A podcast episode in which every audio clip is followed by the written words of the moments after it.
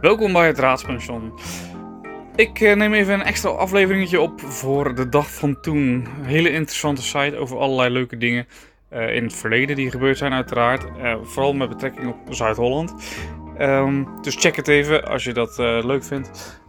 hij vroeg aan mij, laat eens even weten waarom je Oh Gerso zo leuk vond. Want het is namelijk vandaag tien jaar geleden dat het voor het eerst werd uitgezonden. en met name dan waarom Jokertje mijn favoriete personage was. Um, ik moet toegeven dat ik nog nooit OO Gerso heb gekeken. Um, dus als je aan mij vraagt wie Jokertje is, ik zou het je eerlijk gezegd niet weten. Volgens mij heeft Carlo Bossart hem wel eens nagedaan, dus ik heb wel een vermoeden wie het is. Maar ik kan je dus niet vertellen waarom Jokertje nou per se mijn favoriete karakter is. Want ik vind het echt kansloze televisie. Maar goed, ieder zijn meuk.